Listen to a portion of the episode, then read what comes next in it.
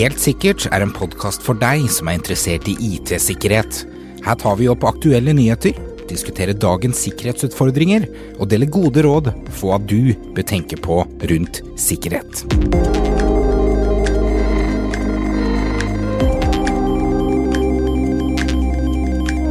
Vi elsker å dele hva vi gjør i hverdagen, og vi elsker at folk eh, klikker inn på det vi poster. Vi legger ut informasjon på Facebook om hva vi har spist, hvor vi har vært, og hva grupper vi liker. Vi poster på LinkedIn statusmeldinger, hvilke bedrifter vi tenker gjør en god jobb. Vi joiner LinkedIn-grupper på interesseområdet. Men eh, har du faktisk tenkt over at den informasjonen som du velger å legge ut, kan misbrukes dersom den eh, havner i feil hender? Dagens episode så skal vi ha om sosiale medier. Mitt navn er Stian. Mitt navn er Alexander. Og velkommen til Helt sikkert. Så sosiale medier er litt sånn eh, Jeg vil si nytt i hermetegn. Du lager sånn hermetegnsymbol. Du ser det kanskje ikke, men, men Alexander ser det. Sosiale medier nå kom seg ikke for veldig mange år siden. som de fleste har kanskje et forhold til det, men ikke sikkerhetsmessig forhold til det. Jeg tror de aller fleste begynte kanskje med sosiale medier idet Facebook kom. Mm. Det var da det tok av veldig, og alle skulle liksom begynne å dele ja, for før da så var det jo MySpace, var det ikke en sak uh... Jo, MySpace var jo en sånn Det var mer for å dele hvilken musikktype du liker og litt sånt. Og det var Personlig ja, informasjon, rett og slett?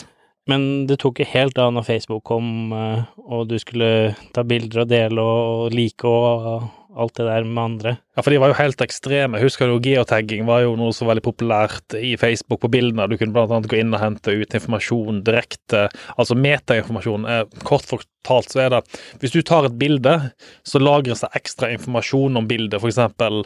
Størrelse, hvilke type format, kanskje hvem som tok det, legger på copyright-informasjon, men også noe som heter geotagging. Ja. Og det, normalt sett når du tar bilde med telefonen eller med litt nyere, moderne kamera eller et eller annet sånt, så får du med den informasjonen. Og, og den vil jo si hvor du f.eks. har tatt bilder. Dette var jo superpopulært på Facebook, for den henta ut informasjon og sa 'nå har du vært eh, i eh, Sør-Afrika'. Ja, men for noen så er det jo kanskje litt greit, for da vet du ok, da kan du se på et kart hvor du har vært hen og tatt bilde, men er det en informasjon som resten av verden trenger å vite?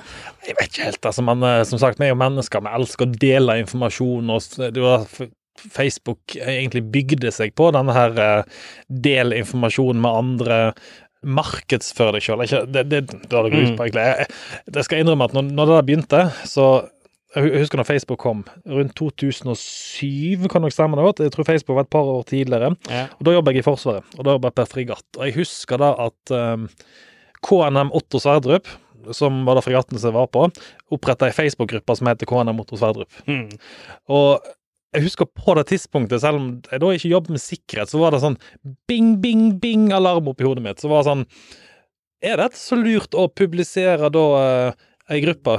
Ja, altså det er jo da en båt som yes. er i militær, og du, du, skal kanskje ikke Alle skal ikke vite hvor den båten er. Ikke bare hvor den er, men det er jo kanskje ikke greit å vite nøyaktig alle mannskapet som bor heller, for Nei. når den ble oppretta, så var det jo kun mannskapet som joiner den her. Ikke sant? Så jeg, jeg satt jo og tenkte at etterretningstjenester i diverse land satt jo og gnidde seg i hendene og koste seg over den informasjonen der. Ja. Facebook var vel kanskje det som tok av veldig, men så har vi kommet masse annet nytt med sosiale medier, med sånn Instagram og masse ting som har tatt TikTok. av eh, TikTok.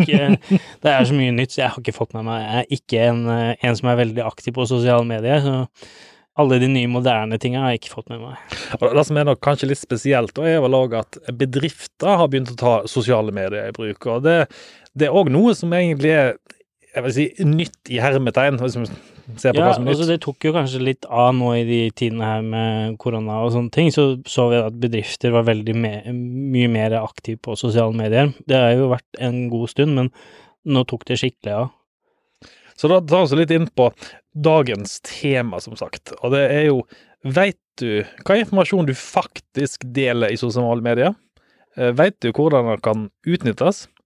Uh, vet du hvem som kan bruke informasjonen, og ikke minst, er sosiale medier farligere enn andre former for kommunikasjon? Ja, Ofte så er det jo du deler informasjon, og kanskje du deler et bilde eller noen ting med deg og noen andre, uten at de som du har delt bildet med, vet noe om at du har delt bilder, eksempel. Da, da var jo òg en funksjon som kom for Facebook for ikke så mange, mange år siden, nemlig tagging i bildet. Ja. Det, det, er sikkert ikke så mange som vet da, hvordan Facebook egentlig opererer, men Google det litt på samme måte. Hvis du går på Google og så søker du på et ord, eh, la oss si at du søker på eple, så skjønner Google at du vil ha et bilde av et eple. Men den dagen også gjør, er at han søker på alle plasser der ordet eple eksisterer. Eksempel hvis du har et bilskilt som eh, Du, du kan jo ha personlig bilskilt, da. Ja. Eh, Det koster jo 5000 kroner, jeg, ikke- jeg skjønner ikke vitsen. Men det, det er bare meg. Hvorfor vil du at lettere å bli huska deg i trafikken av alle ting? Ja, Sant? Men altså, politiet ser deg, så er det sånn der Å ja, jeg klarer å lese ordet. Mye lettere å huske. Fantastisk sikkerhet. Men uansett, eh, digresjon.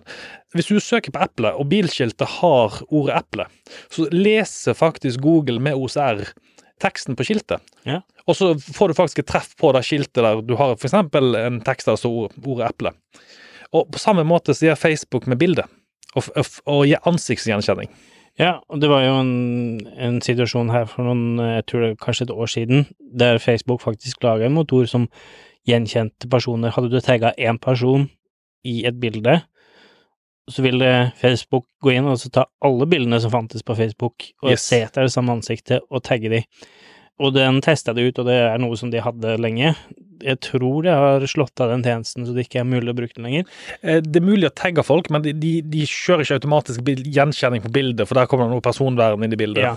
Men det er jo et eh, amerikansk firma som har tatt alle bildene de finner på sosiale medier, Yes. og gjort det her for dem, og selger den dataen her til politiet og sånne ting i Amerika.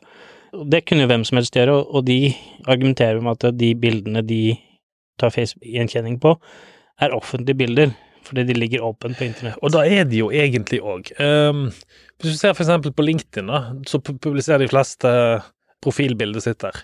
Og hvis du går på Google og søker, så får du ofte opp profilbildet, som det blir regnet som et offentlig bilde. Og jeg, sikkerhetsmessig sett så er det jo store problemer med dette her. For det, for det første så du kan tagge noen andre i et bilde. Så det vil si at hvis jeg ønsker å villede folk, så tar jeg et bilde av deg og meg sammen, podkastbildet for eksempel, og så tagger jeg deg som Jonas Eriksen. Og hvis jeg gjør det mange nok ganger, så vil til slutt algoritmen eh, lære seg til at du heter Jonas Eriksen. Mm.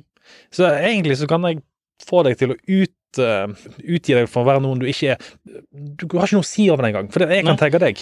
Ja, og, og den dataen, hvis du deler alle din, ting du publiserer da, offentlig, så er jo det noe som hvem som helst på internett kan ta tak i og bruke den dataen til andre ting, sånn som det firmaet her som da har tatt bilder fra sosiale medier og ta ansiktskjenning på tvers av alle plattformer. Og så kan du jo begynne å tenke deg, da.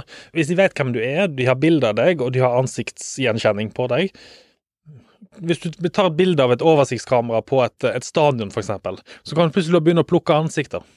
Men du trenger jo egentlig ikke det, for alle publiserer med sosiale medier Det er helt greit. Det er sånn ja, check-in-funksjon på Facebook. Da var, da var det den tingen hvor du kan sjekke inn på steder for å vise at du har vært der. Mm. Uh, utrolig populær funksjon, men, men til gjengjeld, du forteller jo hele verden um, hvor du er. Og altså, vi skal snakke litt om det i en senere episode, dette med smittestopp og informasjon i apper og sånt, og sporing, men Google er jo eksempel det samme. Hvis du går inn på Google, så kan du der hente ut informasjon om Google tracking. Ja. Har du sett den? Ja, eh, min eh, lillebror fikk jo en, eh, en litt mer moderne Google-telefon her for noen, noen år siden, Mhm. og da default oss vil jo den trekke hvor du har vært hen. Så han Yes. fikk jo da en e-post en gang i uka. Du har vært på disse 30 stedene, du har vært på den Mhm. butikken, du har vært og sånn.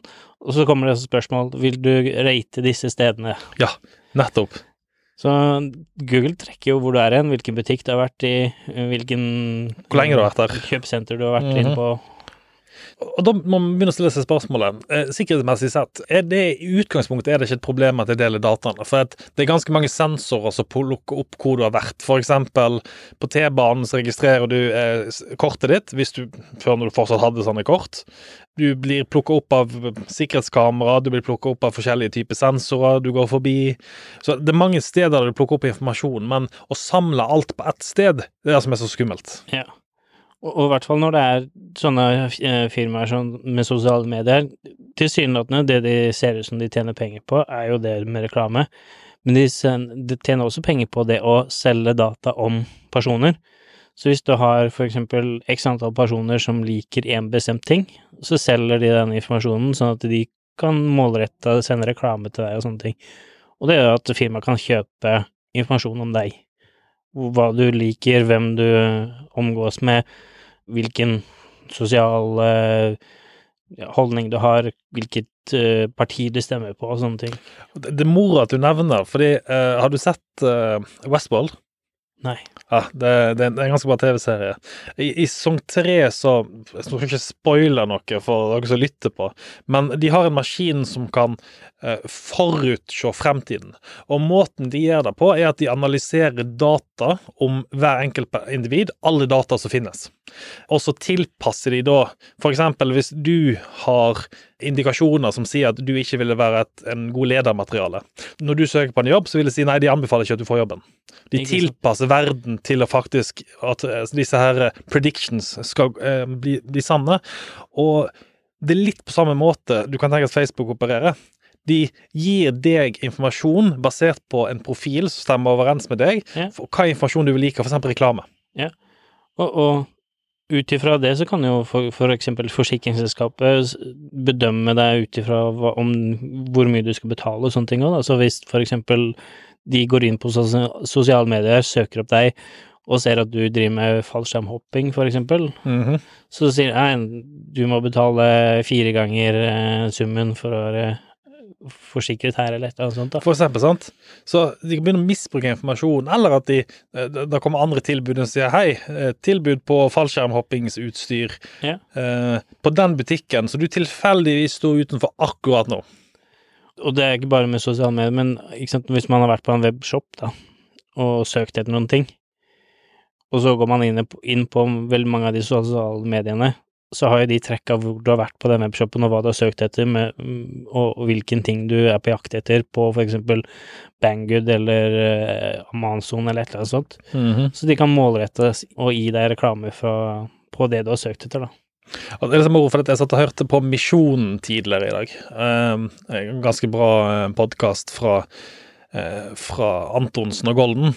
Og de, de hadde en historie der eh, Bård Tufte han hadde begynt å få reklamer på eh, snurredåser. Så, så totalt urelatert. Den, den, den historien er egentlig ganske grei, fordi at eh, jo mer han fikk den reklamen, jo mer fikk han lyst på denne snurredåsen. Og til slutt så får, han, får du å kjøpe den, sant? Mm. Og på samme måte som vil Men en tilrettelagt reklame vil da ha mye større treffprosent. Hvis noen eksempel hadde sendt til meg Oh, Aris Components, som leverer komponenter til elektronikk, har tilbud til meg. Så de vet at jeg er interessert i, fordi at jeg har subscriber på gruppa deres på Facebook. Og jeg har gått inn på LinkedIn og så har jeg, jeg trykker like på selskapet. Og derfor gir de meg informasjon, for det er mest sannsynlig da Hmm. vil tilrettelagt for meg. Så vil de ha større treffprosent. Og den informasjonen er gull verdt. Ja. Den er verdt så mye penger. Og, det er jo på en måte, for det er den informasjonen sånne firmaer som sosiale medier kan selge til reklamebyråer for å tjene penger. Og det er jo ikke bare den, den dataen, de kan jo også selge hvor du er hen, hvilken også, For eksempel sånn som det har vært mye diskusjon i, i USA om med det her med, med Russland, om de har på en måte gjort noe for å styre stemming og sånne ting. Mhm. Det er jo fordi at det er mulig å finne personer som kanskje har bestemte meninger, og målretta gå mot de, da. Og den historien som du snakker om nå, det er faktisk eh, det er fra, fra virkeligheten. Hvis dere der ute nå har lyst til å lese mer om dette her, så kan dere søke opp Cambridge eh, Analytics, eh, som var et britisk selskap som baserte seg på akkurat dette her med personal profiling. Og det er litt av temaet vi snakker om, det altså du du skal sette en identitet på brukeren. Måten de gjorde det på, var at de gikk inn med spørreundersøkelser. Eller de utga seg for å være spørreundersøkelser, da. Eh, og så- spill. Mm. Når du aksepterte å spille spillet, så godtok du at eh, de henta ut all informasjonen som fantes på Facebook på deg. Så det vil si navn, bostedsadresse, hva du stemmer på, hvilke grupper du har. Og så brukte de informasjonen fra ganske mange, jeg tror det var, tror det var oppimot en million eh, deltakere, til å profilere eh, alle stemmegiverne i USA. Eh, og det er ganske, interessant. Det er en dokumentar på dette. Jeg tror den ligger på, på Netflix. Eh, og etter de hadde profilert da, alle disse, så visste de hvilke nøyaktig hvilke stater de skulle fokusere på, som såkalte vippestatene i valget. Mm. Eh, kunne også gå helt ned på hvilke distrikter i statene som da vippa til den ene eller andre siden. Og de valgte da spesifikt de da som lå på sånn 48-51 eh, for å vippe de over til riktig side i det amerikanske valget. At det er litt av grunnen til at faktisk Trump klarte å komme gjennom dette her. Ja. Og så vipper de de over ved å tilby de tilrettelagt informasjon. Eh, For eksempel hvis det var noen som var på vippepunktet på hvem du skal stemme, Mm. og så plutselig får du veldig mye informasjon på Facebook som sier eksempel at eh, å nei, han er slem, og miljøet er fy-fy, og han hater miljøet, sant? Så får jeg til å vippe så vidt over grensa, slik at du velger den riktige kandidaten. Ja, Og det er jo bare på grunn av at du sjøl deler informasjon Yes. med andre på sosiale medier. Og, og Cambridge Analytics de brukte som sagt dette her da til å vinne valget i USA. De var en stor eh, grunn til at Trump faktisk klarte å vippe gjennom mange så mange stemmer. Og samme selskapet ble også brukt for brexit. Mm. For eksempel disse store røde bussene som kjørte ring med, med, omkring med sånn der EU stjeler 307 millioner pund daglig fra budsjettet vårt. Det er sånne såkalte vippepunkt. De brukte da personlig, altså personal profiling, jeg vet ikke om jeg skal oversette til norsk, eh, på da å finne disse da utvalgte personer som lå på vippepunktet for å få dem opp på riktig side. Mm. Eh, skal sies at Cambridge Analytics eh, har nå lagt ned. De finnes ikke lenger. Det var vel noe uetisk med måten de gjorde ting på, og da at de brukte den informasjonen de fikk fra Facebook på en ulovlig måte. De sa ikke at de henta informasjonen fra profilen. Nei. Eh, og det er jo fullt mulig i dag, på en måte. Det de gjorde, er jo fortsatt mulig, selv om vi kanskje er mer på jakt og mer på Pass på at ikke det skjer, men ingen har full kontroll på den informasjonen du deler på, så det kan jo være mange mange sånn som uh, firmaer som gjør det i dag òg. Og, og dette her var jo da med tanke på et eh, eh, de bedriftsøkonomisk perspektiv. De brukte dette her dataene til å tjene penger. Men hvis du ser på en bedrift, da, altså det som kalles for company mapping eh, Og noen av dere gjør faktisk dette her allerede. Eh, hvis du er interessert i å søke jobb, f.eks., så går du kanskje inn på websiden i bedriften og finner ut hva de gjør om. Men hvis du målretta går inn på bedriften, hvis du går inn på LinkedIn f.eks., så vil du først og fremst finne ut hvilke ansatte jobber i bedriften. Det er det første, for de fleste har som et eh, krav, hermetegn, på at du skal gå inn og like bedriften eller joine bedriften sin Facebook Mm. eller LinkedIn-gruppe. Ja, altså, jeg ser jo det sjøl, sånn som for oss, da, så opplever jeg at vi får veldig mange eh, sånn headhuntere som kommer og Yes. forteller liksom eh, Vi har 13 pers eller vi har personer mm. som har kunnskap innafor det dere driver med, fordi de har vært inne og, og profilert firma Yes. i, i på en måte LinkedIn eller et eller annet sånt. Og LinkedIn vil faktisk si den Hvis du skal starte på en pentest på en bedrift, så er LinkedIn en av de beste plassene å starte. Ja. Du, du jobber jo med dette her til daglig, skulle jeg til å si, men du gjør ganske mange pentester i løpet av et år. Ja, og, og veldig mye av den informasjonen man henter eh, i begynnelsen av en pentest, da, er jo all informasjonen du kan samle uten at du faktisk kontakter det firmaet du pentester på noe som helst måte. Yes. Du prøver deg ikke på brannmuren eller hva de har på internett eller noen ting, før du har på en måte kartlagt alt annet om den bedriften, hva slags tjenester de har, hva de har publisert på sosiale medier, hva de, hva de har av eh, eksempel personer, hvem er sjefen, hvem er det som man kan gå mot for å kanskje fishe noen og få kontakt med bestemte personer. Og det er jo sånn som alle angripere gjør i dag. Vi har jo prata litt det her med målretta angrip for å, for å stjele penger og sånt, med endre bankkonto og sånne ting i bedrifter. Mhm. Eh, og det er jo det de gjør, de går faktisk inn i sosiale medier på bedriften og finner ut hvem er det som er ledere, hvem er det som er økonomisk ansvarlig, og går målrettet mot de. For de, de egentlig gjør at vi lager en profil på hele bedriften for å finne ut mest informasjon om det, som du sier. Mm. Eh, og på fagspråket så kalles det for OSINT, eller Open Source Intelligence. Det er er et av de fagfeltene som jeg trives best under, eh, rett og slett fordi at det handler om mengden data man kan skaffe seg, som du sier, uten å gå aktivt og angripe bedriften. Det er rett og slett informasjon som eh, deles av bedriften eller andre utenfor bedriften. For eksempel, eh, før internett så var det jo vanlig å da gå og besøke eksempel kommunen. Hente ut plantegninger, eksempel. Mm. på, på bedriften man ønsker å heromtatt bryte seg inn i for å få mest mulig oversikt. Nå gjør man det via internett og andre tjenester. Yeah. Men gå på biblioteket for eksempel, for å hente ut informasjon om bedriften og historie om bedriften, eksempel. ja, og veldig mange publiserer og kanskje har en litt chat-funksjon på Mhm. Facebook-siden sin, og, og kanskje noen kunder av de vil spørre om en ting åpent, og de svarer på ting. Så plutselig så kan du hente informasjon som forteller litt mer om bedriften. Ok, dere bruker eh, AVS eller et eller annet sånt på de og de tjenestene, så man kan kartlegge litt ting, og, og på en måte vite hvilken område man kan angripe for å få ting. Men det, det finnes en annen måte òg, som jeg snakka kanskje litt om før, som er den beste måten å hente ut informasjon om hva utstyr eh, selskapet bruker. Klarer du å tippe? Nei. Jobbannonser. Ja, ja. Og det er så, det er så, det er så deilig. Eh, nå kommer jeg litt fra sikkerhetsbransjen, da, og, og der er det jo litt mer strengere på hva man deler. Mm. Men hvis du bare går på Finn for eksempel, og henter ut jobbannonser, så kan du fort finne ut at å ja, du bruker Cisco. Å ja, du bruker Palo Alto. Å ja, du bruker Fortigate. Mm. Så hyggelig da at du har lyst til å dele det med hele verden. Ja. Og- vi tenker ikke på den informasjonen man har delt én gang, som var kanskje hensiktsmessig å gjøre der og da, Mhm. den er der for alltid. Så kartlegge og, og gjøre ting når det kommer som angriper senere, er jo fullt mulig å gå tilbake i historien og hente. Det er så utrolig enkelt. Så, altså, jeg elsker bedrifter som sagt, som publiserer alt på LinkedIn og alt sånt. Det, eh, det blir jo liggende der som historie. Mm. Så nei eh, men, men igjen, da. Hvert år så går jo forsikringsselskapene ut med sånn her advarsel til folk som sier sånn Ikke publiser bilder fra ferien din på Facebook, ikke publiser informasjon om at du ikke er hjemme, eh, etc.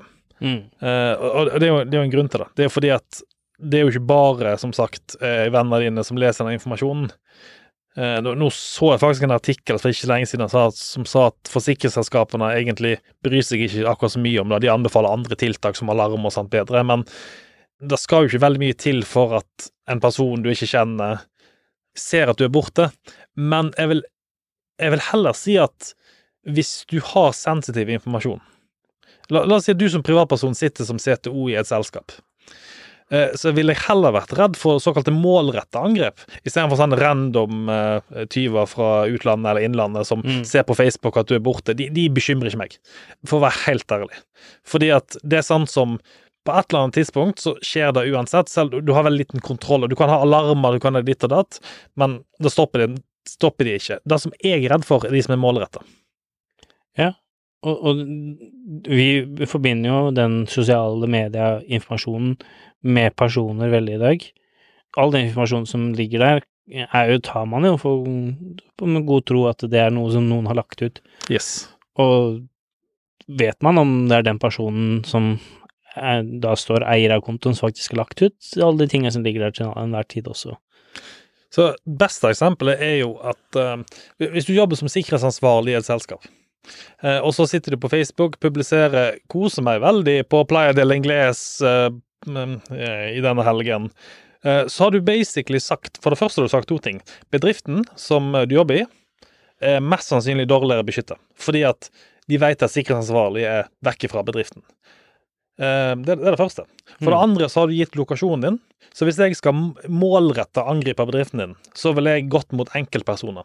Funnet ut hvor det svakeste leddene er, hvem som har mest tilgang. En sikkerhetsansvarlig vil ofte ha mye tilgang. Mm. Og hvis du er ekstremt målretta, så følger de etter deg i ferien. De reiser etter deg og venter bare på riktig øyeblikk. Så hvis du da sitter på hotellnettet og så jobber på jobbnettet, vet du hva jeg ville gjort? Jeg ville bare satt opp et falskt basepunkt. Og samle inn med informasjon, og så ruter deg gjennom, og så ta inn informasjon. Vel, som sagt, dette er et veldig målretta angrep, Mm. men det skjer.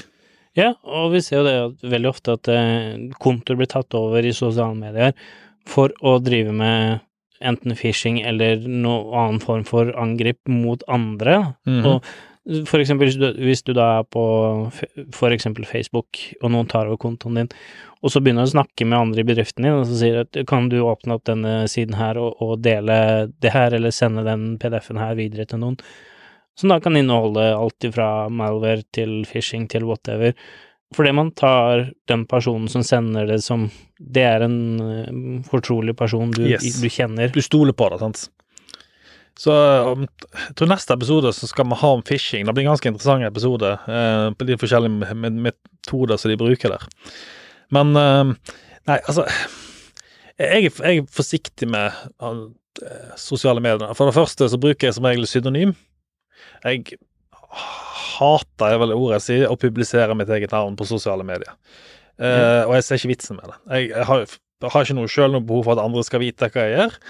Og hvis de gjør det, så er det heller de som kjenner meg, som vet det pseudonymet som jeg bruker på de sosiale mediene. Mm. Det, det er jo det første. Men så er det jo da at jeg har jeg, jeg jobber med sensitive ting til daglig.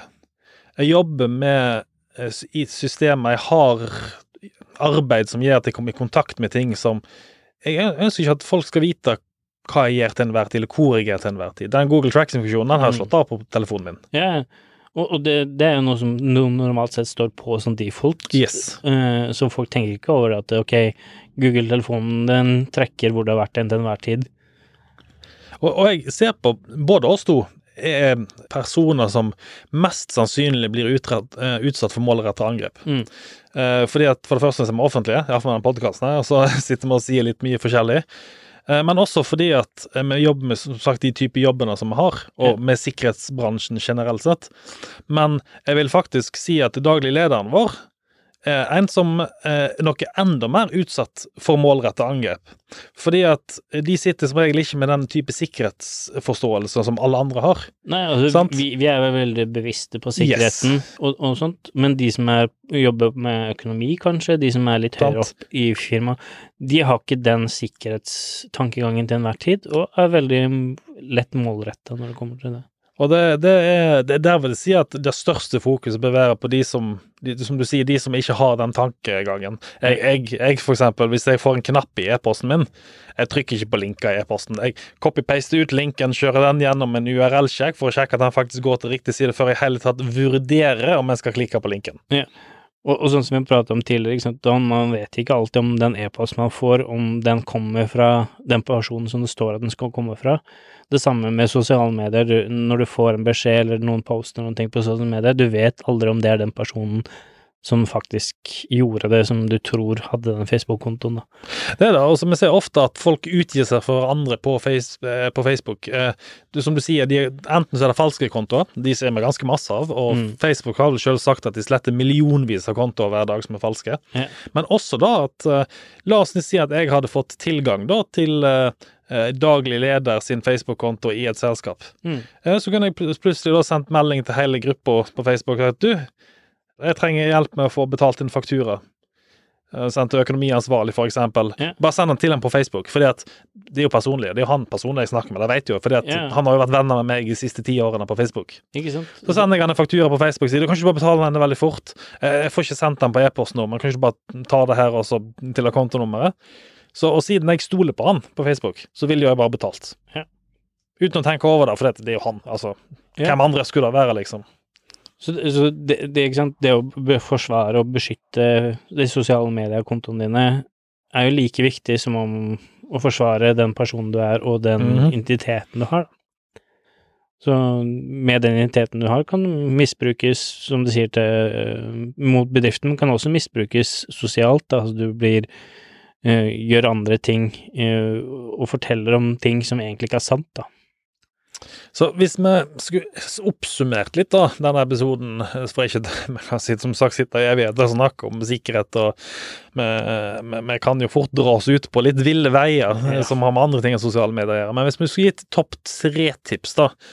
Eh, mitt første ville nok vært å behandle sosiale medier som et åpen plattform. Eh, og med det mener jeg at når du skriver noe på sosiale medier, så se det sånn at hele verden kan lese det du skriver. Selv om du har begrensa det bare til et antall personer, så kan det være de deler videre med noen andre som deler videre med noen andre. Ja, eller noen kontoer som du deler med, som du har kanskje en par hundre venner i Yes, i Facebook-kontoen din, og om den, en av de kontoene er kanskje tatt over fra noen andre, eller noe sånt. Så, så behandle eh, sosiale medier som om du sto og fortalte dette her på en scene der hele verden satt og lytta på. Ja. Så hvis, hvis ikke du hadde fortalt det på den scenen der, ikke skriv det på f.eks. for eksempel Facebook. Det er mitt første tips. Så ville jeg, i hvert fall den informasjonen man deler, ville jeg vært litt kritisk til hvor, hva man deler. Selvfølgelig, eh, sosiale medier er der for å dele, eh, og jobbe med andre personer eller et eller annet sånt, men vær kritisk til hva du deler. Eh, er det ikke informasjon de absolutt trenger, sånn som eh, jeg er på ferie eh, og kommer ikke hjem før eh, den og den dagen. Er det noe som du egentlig trenger å vite, eller bare at eh, oi, jeg skal være på ferie en stund, sånn at man ikke gjør at det kan være enkelt å misbruke den informasjonen, for eksempel rane leiligheten din eller et eller annet sånt. Og sånn som et annet tips vil jeg kanskje si at for bedriftene sin del, eh, tenk over, som du sier, hva dere legger ut, eh, spesielt jobbannonser, og tenk på at alt dere legger ut, blir liggende på internett for alltid. Mm. For eksempel så er det veldig lett å kjøre profiling.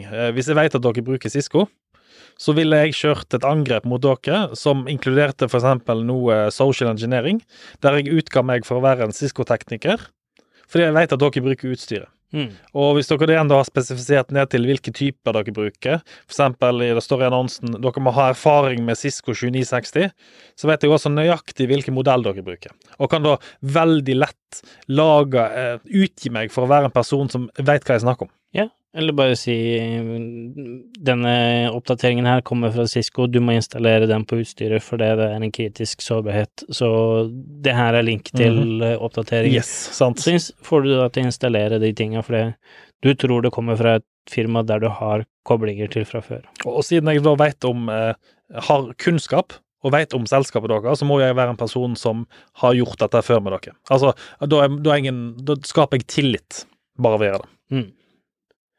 Så er det jo én ting som jeg i hvert fall absolutt anbefaler alle som har sosiale medier, og jeg tror absolutt alle som sosiale medier vet om, i hvert fall, har en form for en tofaktor. Ja.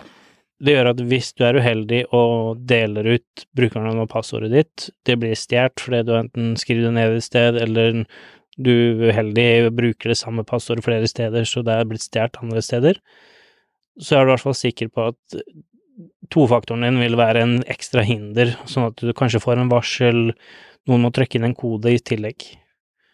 Så slå på tofaktorautorisering på alle sosiale mediekontoer du har. Som et, siste punkt, jeg har litt dilemma, for jeg har egentlig to, men siste punktet er å bruke synonym der du kan bruke synonym. Jeg vet at enkelte tjenester har i regelverket sitt at du må oppgi fullt navn, f.eks. sånn som Facebook, Eh, men det finnes måter, og det er ikke helt lovlig, og jeg skal ikke anbefale noen som sier bryter noe regelverk og sånn på Facebook, men hvis det ikke er helt nødvendig å oppgi fullt navn, så er det fullt eh, lov, hermetegn, i mitt hode, å ikke gjøre det. Ja. Og i den sammenheng så er det kanskje pass på hva slags sikkerhetsfunksjoner du har på sosiale medier, at ikke alle den informasjonen som er personlig, er tilgjengelig for alle. Ja. Jeg vet jo Facebook eh, har hatt veldig sånn i starten at alt det du skrev inn med navn, telefonnummer, e-post eh, og alt de tinga her lå jo åpent for alle, Mhm. og så kom de med sikkerhetsfunksjoner der du kunne slå deg av. Det det for seint, Ja, egentlig. egentlig for seint, men fortsatt er det veldig mange som deler den informasjonen public for at alle kan søke etter den. Altså, hvis jeg vet hvor du har gått på skole, hvor du bor, hvor du arbeider, så skal det veldig lite til for at, som du sier, lage en veldig personlig e-post som ser veldig ekte ut, fordi at jeg har all den informasjonen, eh, som jeg sender til deg og får deg til å klikke på en link. Ja. Det, det er på samme måte som bedrifter ville klikke på en link fordi at de vet hva utstyr du har, så vet de nøyaktig alt om deg. Og sånn som det er blitt med sosiale medier i dag, så kan du ikke Jeg ville i hvert fall ikke delt informasjon som ikke eksempel alle på jobben skulle få vite. Nei. Eh, man har ikke noe rent jobbliv og privatliv lenger. Den, eh, all den informasjonen du gjør Du kan ikke gå og si at jeg, jeg, jeg tar en syk dag på en fredag, og så går du ut og, på stranda og tar masse bilder. Det går ikke lenger. det har vel vært Det har vel vært eksempler der Nav har vært inne og sjekka profilen til eh, personer som har vært under støtte, der de da har publisert eh, De er f.eks. på dagstøtte, dette var vel før dette regelverket fant ut om du kunne reise uten at det ikke Men de fant ut at du hadde postet bilde av deg på stranda på Las Palmas, Ja. mens du egentlig skulle vært hjemme og søkt etter jobb. Ikke sant? Sant? Altså Og jo, jo, de gjør noe ulovlig, men tenk igjen at du snakker med hele verden. Ja. Og så Det siste punktet som jeg sleit litt med, om jeg skulle ta med det ikke, det deaktiverer som sagt alle funksjoner eh, som du ikke bruker. For eksempel Google Tracking. Ja. Eh, Facebook sin eh, face-tagging-funksjon, geotagging-funksjoner som jeg nevnte tidligere. Og, og pass på at de bildene sånn som du deler, ikke, sant, ikke har geotagging. Yes. Eh, at ikke det er noe tracking på hvor det er en som du ikke vil dele, da. Ja. Da tenker jeg var alt for oss i dag. Eh, Neste episode skal handle om phishing. Den tror jeg blir veldig spennende, så uh, følg med neste uke. Så får vi se hva vi klarer å komme opp med. Yes. Godt å være tilbake igjen i stolen vår, i hvert fall. Ja. Det har vært litt av og på med disse tider. I disse Å, skal vi si det? I disse koronatider. Å, vi brukte det. Vi brukte det. Dere får ha en god dag videre, så høres vi neste uke. Det gjør vi. Ha det. bra. Podkasten Helt sikkert er laget av Cybron Security og produsert av Shaw Media. For mer informasjon om IT-sikkerhet, gå inn på cybron.no, eller så finner du oss også på Facebook under navnet Cybron Security. Vi tar gledelig imot innspill, tips, eller om du har spørsmål rundt din IT-sikkerhet.